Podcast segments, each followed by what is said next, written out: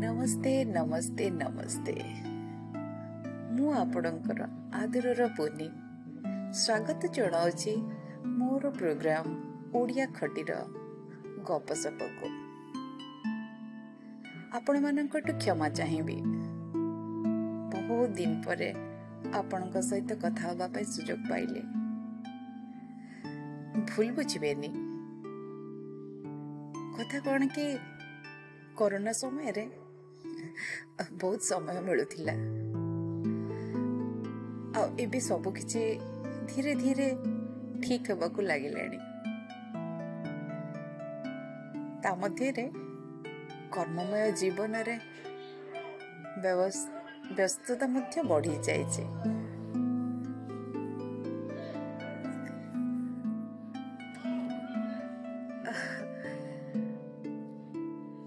ଆଜି ଆପଣମାନଙ୍କୁ ଗୋଟେ ସୁନ୍ଦର କଥାବସ୍ତୁ ଉପରେ ଗଳ୍ପ କରିବି।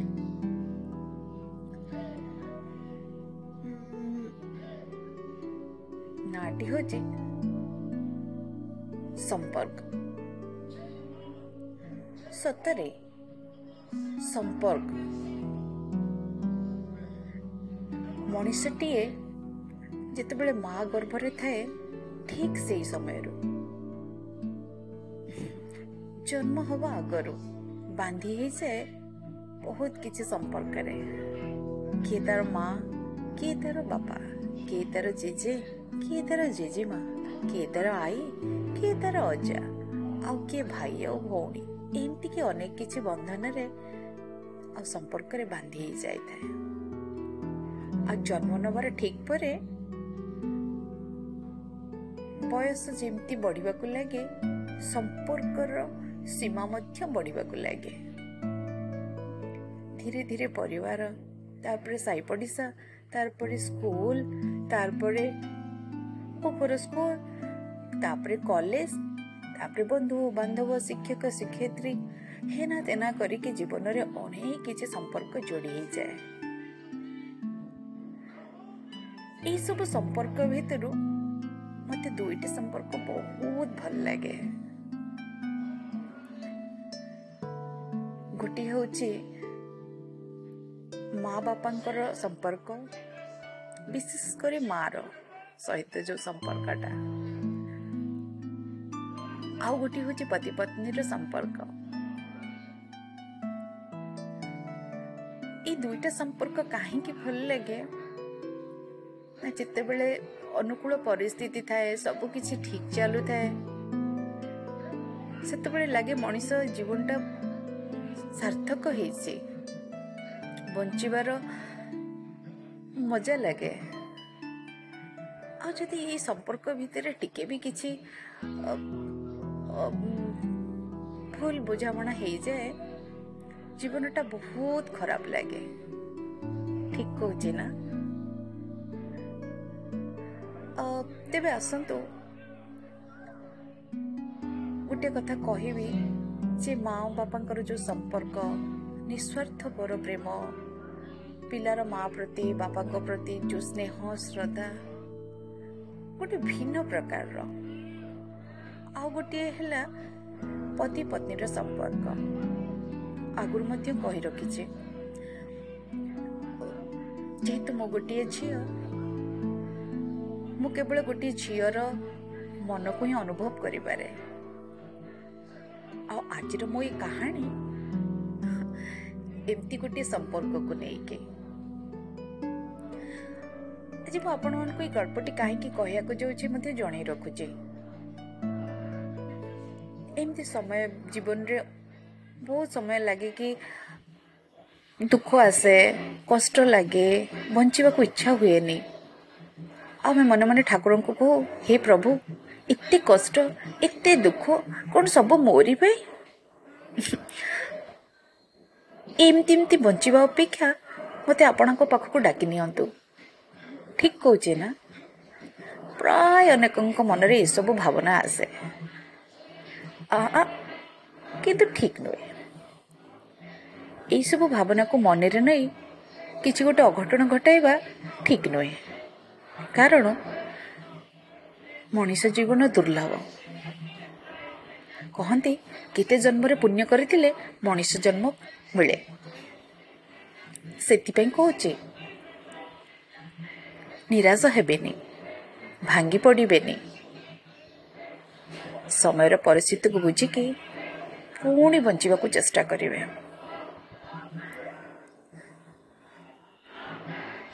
ମୋତେ ମଧ୍ୟ ଏଇଭଳି କଷ୍ଟ ଆସିଲେ ମୁଁ ବି ସେମିତି ଭଗବାନଙ୍କୁ ଡାକେ ଯେହେତୁ ମୁଁ ବହୁତ ଠାକୁରଙ୍କୁ ବହୁତ ବିଶ୍ୱାସ କରେ। ଆପଣ ମିଛ ବୁଝିବେନି? ମୁଁ ଏହିସବୁ ପ୍ରଶ୍ନର ଉତ୍ତର ଗୁଡ଼ିକ ଅଳ୍ପ ସମୟ ମଧ୍ୟରେ ପାଇଯାଏ। ସେ ଉତ୍ତର ମୋତେ କେହି ଦିଅନ୍ତିନି। ମୋର ଏଇ ଦୈନିକ ଜୀବନ ଭିତରୁ କିଛି ନା କିଛି ଏମିତି ଘଟେ ଭାବେ ଭଗବାନ ଯେଉଁଠି ଅଛି ଯେମିତି ଅଛି ଯାହା ବି କରୁଛି ମୁଁ ବହୁତ ଭଲରେ ଅଛି। କାରଣ ଆମ ଚାହେଁ ଆହୁରି କିଏ ଦୁଃଖରେ ଅଛି? ମୋ ଚାହେଁ କିଏ ବହୁତ କଷ୍ଟରେ ଅଛି? ଛାଡ଼ନ୍ତୁ ସେ କଥା। ଆଜିର ମୋର ଏଇ ଯେଉଁ ଗଳ୍ପ ଗୋଟିଏ ଜୀବନ କାହାଣୀ ସତ୍ୟ ଜୀବନ କାହାଣୀ ଉପରେ କହିବି। କୌଣସି ପରିଚୟ ଦେବିନି। ଗୋଟେ ଝିଅ ଉପରେ କାହାଣୀଟିଏ। କେଉଁ ସୁଦୂର ଗାଁର ଝିଅଟିଏ। ଗରିବ ପରିବାର। ତାଙ୍କ ମାଙ୍କର ଆଠଟି ସନ୍ତାନ ହୁଏ। ଖାଇବା ପିଇବା ପାଇଁ ବହୁତ ହଇରାଣ ହୁଅନ୍ତି। ବାପା ତାଙ୍କର ଦିନ ମଜୁରିଆ।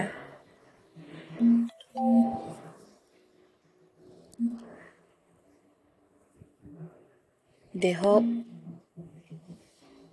ଠିକ୍ ନ ରହିବାରୁ ଖାଇବା ପାଇଁ ମଧ୍ୟ ଠିକ୍ ଭାବରେ ନ ପାଇବାରୁ ଚାରିଟି ଭାଇ ଭଉଣୀ ବାହୁଡ଼ି ଯାଆନ୍ତି।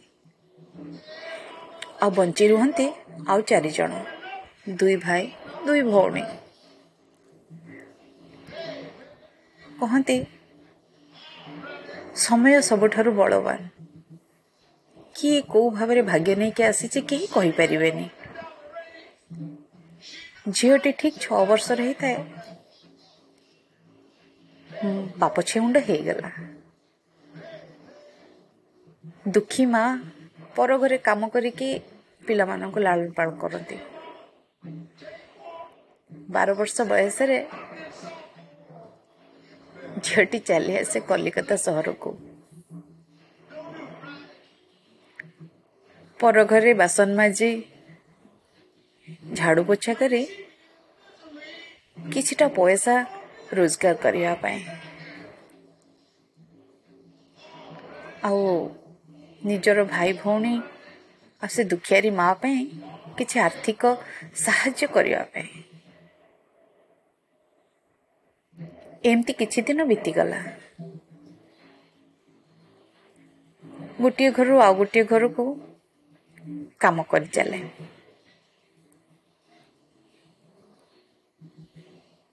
ଯୌବନର ପ୍ରଥମ ଦିନ ଗୁଡ଼ିକରେ ଦେଖା ହୁଏ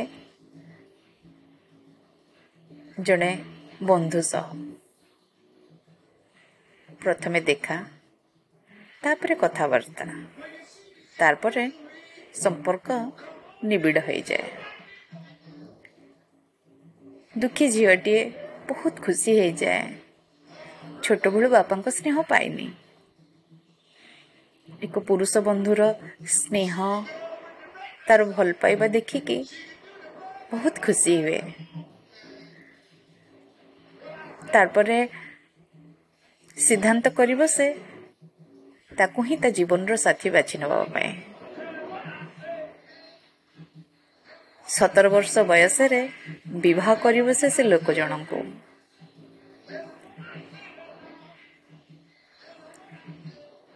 ଏମିତି ହସ ଖୁସିରେ ଖୁସିରେ ଆନନ୍ଦରେ ପର ଘରେ କାମ କରିକି ତା ସଂସାରଟା ବହୁତ ଭଲ ଥିଲା।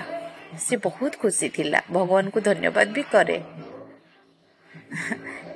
ଏମିତି ସ୍ନେହ ସ୍ନେହୀ ସ୍ୱାମୀ ପାଇବା ତା ପାଇଁ ବହୁତ ବଡ଼ ଭାଗ୍ୟର କଥା ଥିଲା।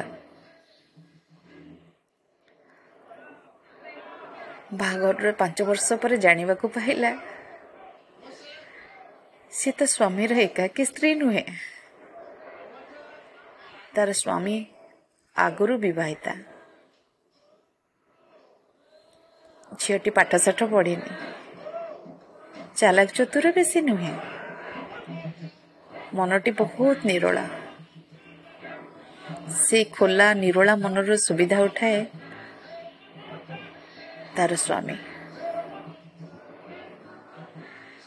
ମନ ଦୁଃଖ ହୁଏ।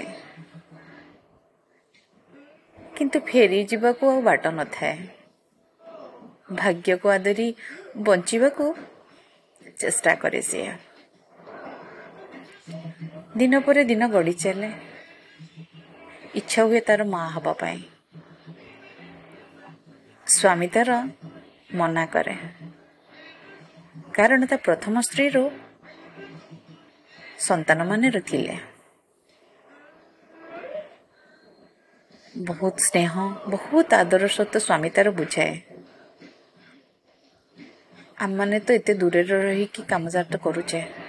ପର ଘରେ ମୂଲ ଲାଗି ଚଳୁଛେ ଗାଁରେ ମୋର ପ୍ରଥମ ପତ୍ନୀ ଅଛି ପିଲାଛୁଆ ଅଛନ୍ତି। ଆଉ ପିଲାଛୁଆ କ'ଣ ପାଇଁ ଦରକାର? ସେ କଥାଟାକୁ ବହୁତ ଭଲ ଭାବରେ ବୁଝି ନିଏ। ଆଉ ଭାବେ ମୋ ସ୍ୱାମୀ ତ ସବୁକିଛି ମୋ ପାଇଁ। ଏତେ ଭଲ ସ୍ୱାମୀ ପାଇକି ଆଉ ପିଲାଛୁଆଙ୍କର କ'ଣ ଦରକାର?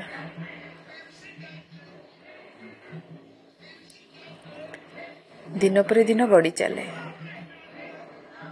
ଏମିତି ସୁଖ ଦୁଃଖରେ ସଂସାର ତାର ବିତି ଚାଲେ ଅଠର ବର୍ଷ ବିତିଯାଏ ହଠାତ୍ କିନି ସ୍ୱାମୀ ତାର ଜାମାପଟା ଧରି ବ୍ୟାଗ୍ ସଜାଡ଼ିଲା ଯେହେତୁ ସେମାନେ ସହରରେ ଆସିକି ରହୁଥିଲେ ନିଜର ବାସସ୍ଥାନ ନଥିଲା ଭଡ଼ା ଘର ନେଇକି ଛୋଟିଆ ଗୋଟେ ଭଡ଼ା ଘରେ ରହୁଥିଲେ। ଆଉ ସେଦିନ ତା ସ୍ୱାମୀ ଯେମିତି ନିଜର ଜାମା ସାର୍ଟ ପ୍ୟାଣ୍ଟ ଧରିକି ବାହାରିଲା ହଠାତ୍ କି ସିଏ ବି ବିସ୍ମୟ ହେଇଗଲା। କୁଆଡ଼େ ବାହାରିଛନ୍ତି? ସ୍ୱାମୀ କହିଲା ମୋର ଗାଁରେ ବହୁତ କିଛି କାମ ଅଛି। ମୁଁ ଯାଉଛି। ଫୋନ୍ କରିକି ଜଣେଇବି କେବେ ଫେରିବି। ସରଳ ମନୁଷ୍ୟଟା ତ ବୁଝିପାରିଲାନି। ଦିନ ପରେ ଦିନ ବିତିଗଲା। ପର ଘର ସେମିତି ଖଟିକି ଖାଉଥାଏ। ଦିନ ପରେ ଦିନ ସପ୍ତାହ ପରେ ସପ୍ତାହ ମାସ ପରେ ମାସ ବିତି ଚାଲିଲା। ଗୋଟେ ବର୍ଷ ପର୍ଯ୍ୟନ୍ତ ସ୍ୱାମୀର ଖୋଜ ଖବର ନଥିଲା। ସେ ସ୍ୱାମୀ କେବେ ତାକୁ ଗୋଟେ ଥର ବି ଫୋନ୍ କରିକି ଜଣେଇଲାନି ସେ କୋଉଠି ଅଛି କେମିତି ଅଛି କେମିତି ବଞ୍ଚିଛି କ'ଣ ଖାଉଛି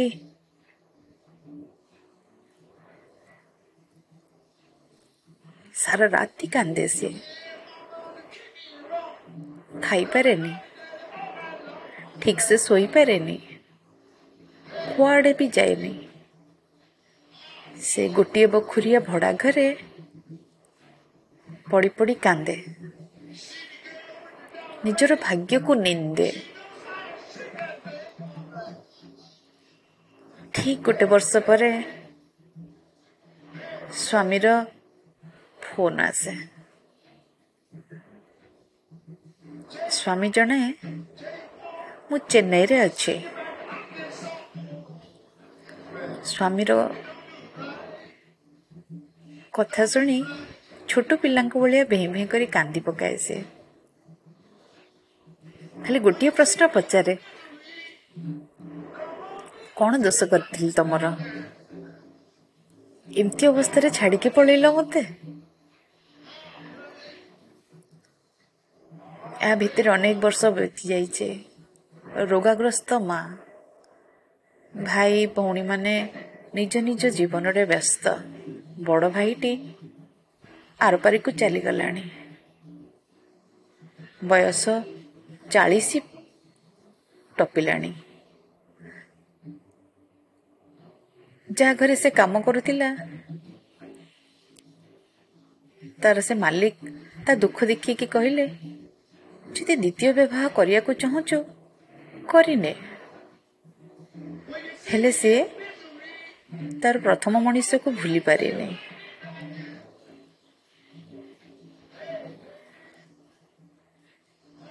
ଆଉ ଏଇଟାକୁ ତା ଜୀବନ ଭାବିକି କୁଆଡ଼େ ଚାରା ନାହିଁ କେଉଁଠିକି ଫେରିଯିବାକୁ ନାହିଁ କେହି ସାହା ଭରସା ମଧ୍ୟ ନାହାନ୍ତି। ସମସ୍ତେ ତାକୁ ଡାକନ୍ତି। ଆସ ଆମ ଘରେ ଦୁଇ ଦିନ ରହିକି ଯିବୁ। ସେ ଯାଏନି। କାରଣ ତାକୁ ଜୀବନରେ ବଞ୍ଚିବାକୁ ଅଛି। କାହା ଘରକୁ ଦୁଇ ଦିନ ଯାଇ ରହିକି ତା ଜୀବନର ସବୁ କିଛି ତ ସେ ପାଇବନି। ମନା କରେ।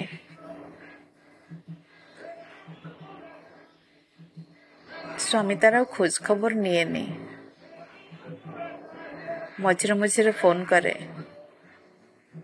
ଫୋନ୍ ଏଟାକୁ ଇଚ୍ଛା ନଥିଲେ ମଧ୍ୟ ସମ୍ଭାଳି ପାରେନି କୋହକୁ। ତା କଥା ଟିକେ ଶୁଣିବା ପାଇଁ ଫୋନ୍ଟି ଉଠାଏ। ଆରପଟେ ତା ସ୍ୱାମୀ କ'ଣ କୁହେ ତାକୁ କିଛି ଶୁଭେନି। ଛୋଟ ପିଲାଙ୍କ ଭଳିଆ ବହୁତ କାନ୍ଦେ। ଆଜି ବି ସିଏ କାନ୍ଦୁଛି ଆଉ ଏମିତି ପର ଘରେ କାମ କରି ତା ଜୀବନ ବିତଉଛି। ଭଗବାନ ତାକୁ ଖୁସି ଦିଅନ୍ତୁ ସୁଖ ଦିଅନ୍ତୁ। ଆଉ ସବୁଠୁ ବଡ଼ କଥା ହେଲା ତାକୁ ନିରୋଗ ରଖନ୍ତୁ। ସେ ତା ଜୀବନରେ ଖଟିକି ଅନ୍ୟ ଘରେ କାମ କରିକି ଦୁଇ ପଇସା ରୋଜଗାର କରିକି ନିଜେ ଦୁଇ ଘଣ୍ଟା ଭଲରେ ଖାଇପାରୁ ଆଉ ଭଲରେ ରହିପାରୁ ଏତିକି ପ୍ରାର୍ଥନା କରିବି। ଆଜିର ଗଳ୍ପ ତ କହିଲି। ଭାବୁଥିବେ ଏ ଏସବୁ ଗପିବାର ମହତ୍ଵ କ'ଣ? ସମ୍ପର୍କ। କୌଣସି ସମ୍ପର୍କକୁ ନେଇକି ଏତେ ଚିନ୍ତିତ ହୁଅନ୍ତୁ ନାହିଁ। ଜୀବନରେ ଯଦି ଦୁଃଖ ଆସେ କଷ୍ଟ ଆସେ ତାକୁ ସାମ୍ନା କରନ୍ତୁ ପୁଣି ଥରେ ବଞ୍ଚିବାକୁ ଚେଷ୍ଟା କରନ୍ତୁ।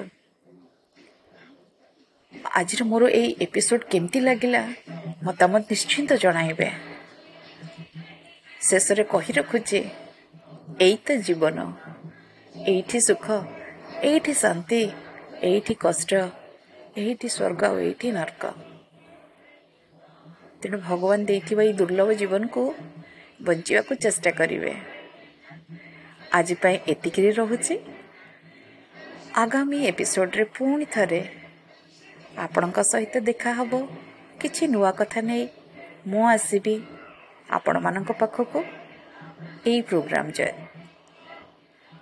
ଆଜି ପାଇଁ ବିଦାୟ ଦିଅନ୍ତୁ ନମସ୍ତେ ନମସ୍ତେ ନମସ୍ତେ